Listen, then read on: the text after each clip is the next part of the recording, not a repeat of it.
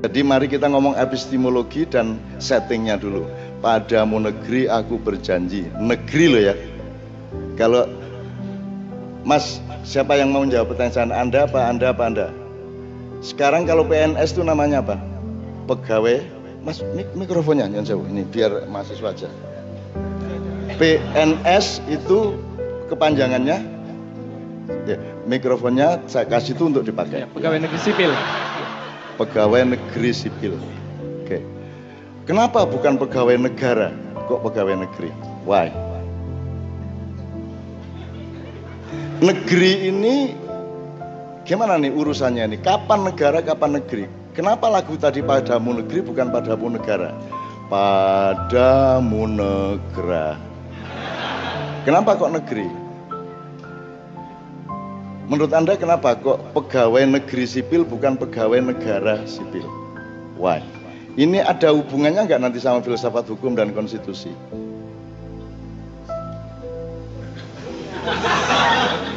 Silakan menjawab. Sebelumnya saya belum pernah mendengar perbedaannya Pak, tapi kalau saya berpikir eh, kalau negara, negara itu lebih pada eh, unsur politiknya Pak. Kesatuan politik, kenapa itu disebut negara? Tapi kalau negeri itu bisa lebih cakupannya lebih luas. Oke. Negeri bisa termasuk orangnya, Ya. eh, alamnya dan Oke. lain sebagainya. Oke.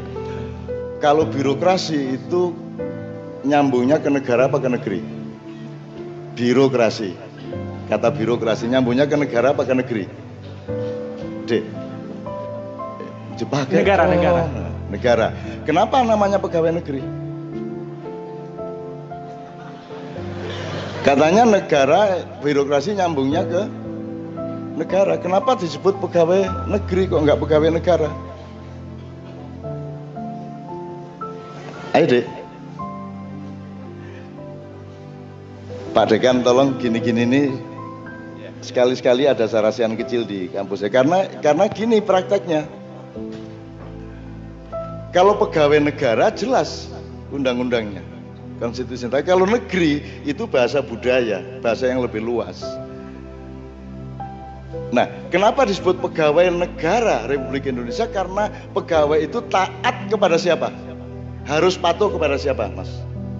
Pegawai itu harus taat taat kepada siapa? Kepada negara. Kalau kepada negara, kepada undang-undang negara. Makanya kenapa kok tidak disebut pegawai negara?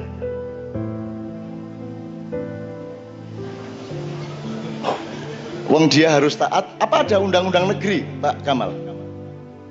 Yang ada undang-undang negara. Kenapa? Jadi kalau negeri sama negara tidak diproporsikan secara benar, kita boleh dong mengubah, mengubah nama Allah.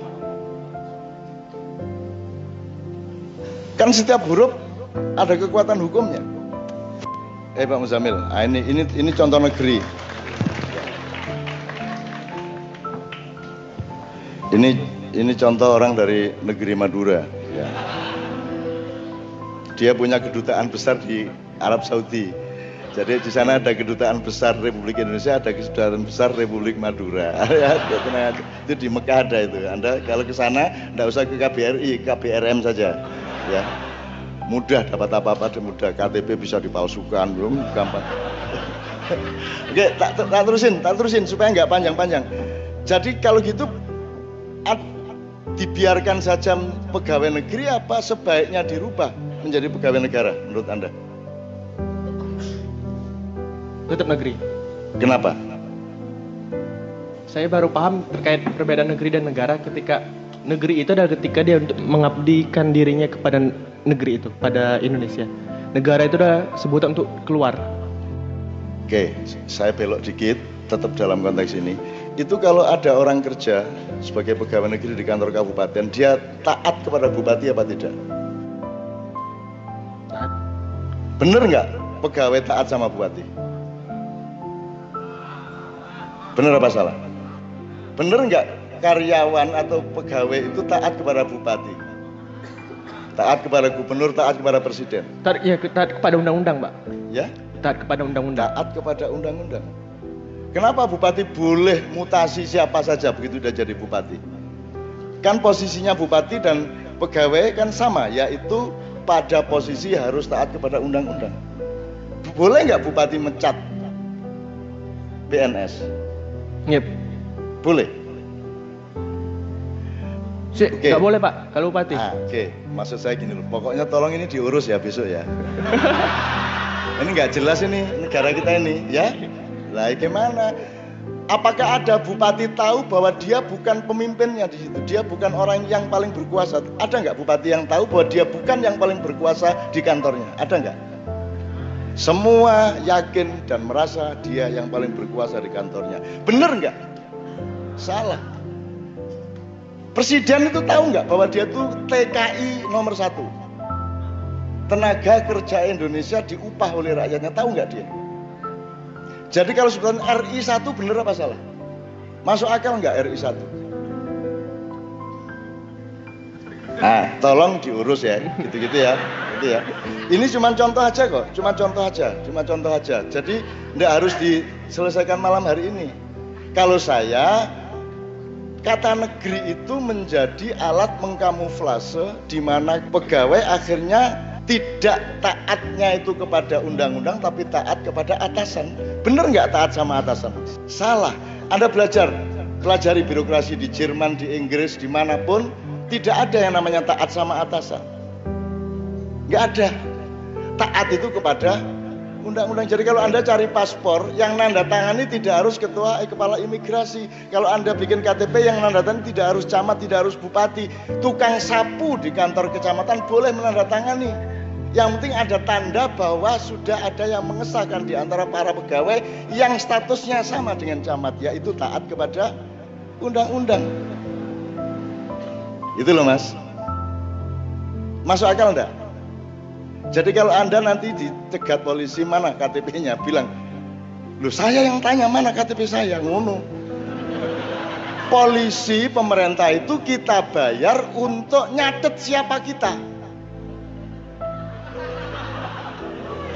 Kita kasih biaya untuk beli kertas, beli printer segala macam untuk nyatet siapa saya.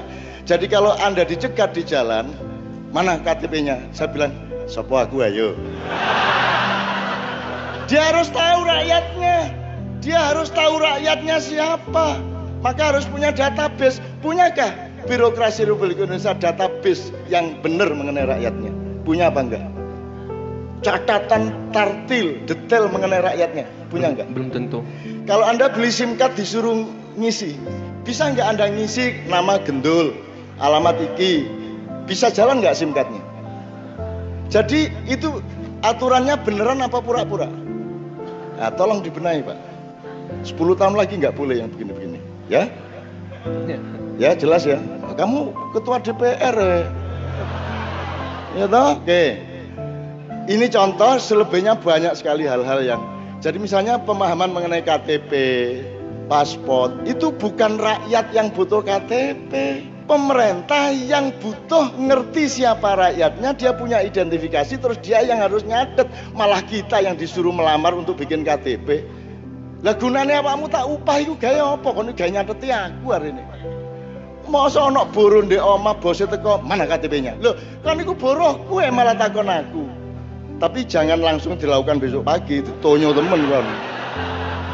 Wong polisinya yang ndak paham, wali kotanya ndak paham, presidennya juga ndak paham. Mau bagaimana? Wong panjen ndak paham semua, sehingga mereka semua insya Allah tidak ada yang masuk neraka. Soalnya begitu dimasukkan neraka, terus ada malaikat yang bilang, lu kok masuk neraka emang nggak ngerti kok dia. Jadi nggak masuk neraka. Jadi kalau anda ingin masuk surga bodoh lah, nggak ngerti apa-apa banget ya loh wes. Lu kamu kok malam minggu berzina? Kenapa berzina nih? Lu kok karo itu bojomu? Lu buat angsal ta? Lu ah, beres ta? Malah anda masuk surga, nggak masuk neraka, nggak ero ya.